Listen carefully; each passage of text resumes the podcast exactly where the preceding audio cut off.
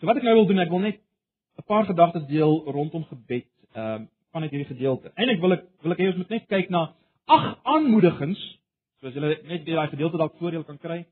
Ehm uh, Matteus 7 vers 7 tot 12. Ek wil hê ons moet net vinnig kyk na ag aanmoedigings wat Jesus ons gee uh om te bid. Ag aanmoedigings wat hy ons gee om te bid. Nou baie belangrik, onthou hy praat met sy disippels.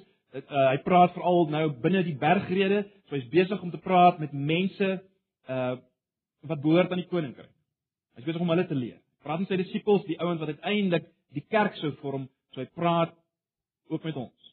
Hy praat met die gesamentlike kerk. As ag aanmoedigings sê, sê ek daar's 6 wat eksplisiet is en 2 wat implisiet is.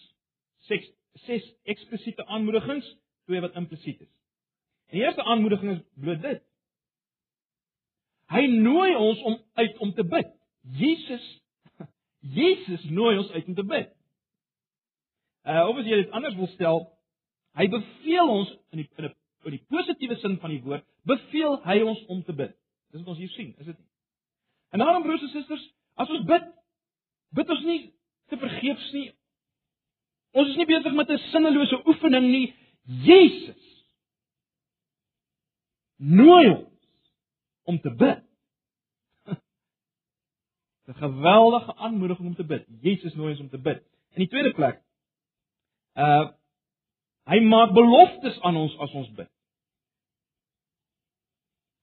Drie keer, drie keer nooi hy ons uit om te bid, né? Nee. Nou die beloftes wat hy maak vir ons om te bid is selfs nog meer. Daar's sewe beloftes. Daar's sewe beloftes. sien julle dit in vers 7 tot 8? Vra en vir julle sal gegee word. Dis die eerste belofte, sal gegee word. Soek en julle sal vind. Sal vind is die tweede belofte.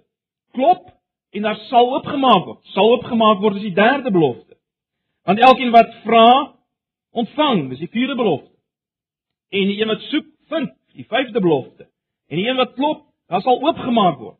Die sesde belofte en dan aan die einde in vers 11b Hoeveel te meer sal die Vader vir julle gee as julle aardse vaders wat sleg is. Hoeveel te meer? Dis die sewende belofte. So hy nooi ons om te bid. Hy maak beloftes. Jesus maak beloftes as ons bid. En die derde ding wat ons hier sien, die derde aanmoediging om te bid wat van Jesus kom is dit. God maak homself beskikbaar op verskillende vlakke. Dink vir 'n oomblik so daaraan. Ehm um, As jou kind by jou is, sal hy vir jou iets vra. As jy iewers anders in die huis is, gaan hy jou soek. As jy agter 'n toe deur is, gaan hy klop. Hy wil by jou wees. So wat is die punt hierso? Dit maak nie saak of God onmiddellik naby en tasbaar teenwoordig is nie en of hy in 'n sekere sin moeilik te sien is nie en of jy beleef dat daar 'n deur tussen jou en hom is nie. Nee.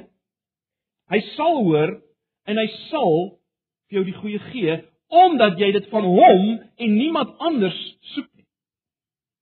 Dis die belofte. Dis die dis die wonderlike ding wat ons hier sien. Hy maak hom beself beskikbaar. Hy stel homself self beskikbaar. Maak nie saak waar hy is. Maak homself beskikbaar, maak nie saak waar hy is. So dis die derde ding. Dan vierdens sien ons hier elkeen wat vra ontvang. Nou natuurlik, in die aard van die saak praat hy hier met eh uh, kinders van die Here, maar dit is belangrik dat ons dit sal hoor. Want baie van ons wonder dit was maar is dit vir my? Sal ek ontvang? Wel elkeen wat vra, elkeen. Jy ook. Dis nie vir die ander ou nie. Dis die dis wat hier staan. Nee, dis vir elkeen. Dit is die vierde aanmoediging uh om te bid. Dan die vyfde vyfde aanmoediging om te bid is dit. Ons kom na ons Vader.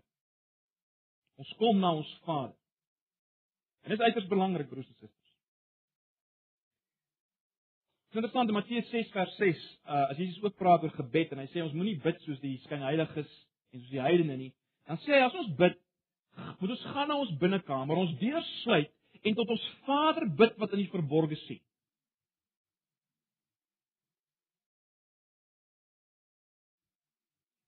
En ek het in hierdie week uh by die groepie hier gesê dat Die punt hier is dit verwys nie net na persoonlike gebed, die feit dat ons ons moet afsluit vir persoonlike gebed nie. Ook as ons saam bid, is dit uiters belangrik dat ek my as te ware afsluit van die ouens rondom en bewus raak van my Vader wat in die verborgde sien. Ons mag nooit gebed gebruik as 'n as 'n plek waar ons vir die ander ou preek en eintlik hom iets wil sê nie. Dan mis ons dit. Ons mis dit.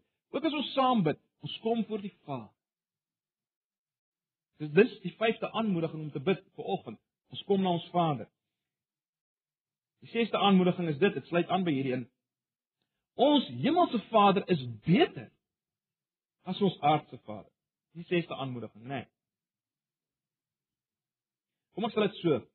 Moet nooit jou denke oor jou hemelse Vader laat beperk word deur jou denke oor jou aardse Vader. Moenie dit toelaat. Ons kom na ons hemelse Vader wat beter is as ons aardse Vader. Ag ons kan baie hieroor praat. Ek noem vanoggend net hierdie net hierdie ag aanmoedigings baie vinnig, né? Nee. En dan 7 in die sewende plek en dit is implisiet. Ons kan ons Vader se goedheid vertrou want hy het ons reeds sy kinders gemaak. En as hy ons sy kinders gemaak het toe ons was wat ons was, hoeveel te meer? Hoeveel te meer kan ons nou nou omgaan met vrymoedigheid? Kan ons hom vertrou? Dis die sewende aanmoediging. Die agste aanmoediging wat implisiet is is dit: Die kruis en wat daar gebeur het is die fondasie van gebed. Sê dit implisiet. Miskien vra jy vir my, maar waar kry ek dit hier? Wel, is interessant. Ons word in hierdie gedeelte genoem julle wat sleg is saam met die feit dat ons kinders van God is. Hoe baie is dit moontlik? Hoe baie is dit moontlik dat Jesus reeds hier so kan praat? Wel, as gevolg van dit wat aan die kruis gebeur. En dit wat gebeur het aan die kruis maak dit moontlik dat ons wat sleg is en steeds sleg is in onsself, kinders van God is. Die die kruis, broers en susters, is die fondasie vir gebed ook vir oggend. Ag, mens kan so baie hieroor sê, ek, ek noem dit net uh as 'n as 'n agste aanmoediging. Miskien net 'n vraag, beteken hierdie gedeelte dat alles wat ons bid, sal ons kry? Wel baie duidelik nee. As ons 'n sang vra, sal ons dit nie kry nie. En hy gaan nie vir ons 'n klip gee nie. Maar hy gaan die goeie vir ons gee. En wat is dit? Wel in in Lukas 11 se weergawe van hierdie gedeelte in vers 13 maak die Here Jesus dit baie duidelik. Hoeveel te meer sal die Vader julle die Heilige Gees gee as julle hom dit bid. Jy sien wat ons bid is ten diepste dit waaroor die onsse Vader gaan, die kom van die koninkryk. Die heiliging van God se naam, die geskied van sy wil en alles wat ons nodig het sodat ons kan deel word daarvan. En dit is alles net moontlik deur die Heilige Gees. En daarom ten diepste bid ons vir die Heilige Gees. Hy is alles wat ons nodig het. So dis waarvan ons bid en dis wat ons sal ontvang ten diepste. Die Heilige Gees en alles wat dit beteken. Broers en susters, as ons kyk na die eerste gemeente in Handelinge, het hulle hierdie hierdie aanmoedigings ernstig opgeneem. Dag vir dag het hulle saam gebid, gemeenskaplik. Hulle gaan kyk wat het gebeur. Weer en weer het die Gees oor hulle gekom. Weer en weer is hulle toegerus met vrymoedigheid om die woord te verkondig. En is dit nie wat ons verlang nie? Weer en weer sy teenwoordigheid, sy kragtige teenwoordigheid in ons midde, weer en weer vrymoedigheid, krag om vir hom te leef en te getuig sodat sy koninkryk kan kom. So. Broers en susters, kom ons gebruik vir oggend. Kom ons bid so. Dit hierdie aanmoedigings in ons agterkop. En as ons bid, ek ek wil so vra dat as ons gaan bid vir oggend vir 10 minute, word net stil in julle groep. Wie ongemaklik voel as daar stilte is. Word net stil en raak bewus van julle Vader. Dis al. Begin fokus op hom. En dan maak ons hom groot. Dan maak ons hom groot. Dan bid hom en ons bid dat die Gees in ons midde sal werk. En daarmee saam, kyk as die Gees werk, dan sou ook sonde oortuig, né? Nee. Bely waar moet bely word. En dan bring ons ons versoeke binne daai raamwerk, ons versoeke vir die gemeente dat die Here in ons midde sal wees. Dat hy ons regte leiers sal gee, al hierdie dinge. Uh kan ons as deel van ons besoeke bring, maar binne hierdie raamwerk van dit gaan oor my Vader. Dit gaan oor sy naam. Dit gaan oor sy eer. So dis wat ons gaan doen. Volg. So, ons gaan nou sing, Here aanbid. En as ons klaar is, dan gaan ons in klein groepies verdeel. Dit kan selfs twee op wees, nie groter as 5 nie. Hier versprei, gaan na agter, gaan onder. 12:30 kom ons terug en ons uh sluit saam af. Kom ons begin nou om die Here te aanbid met ons saam.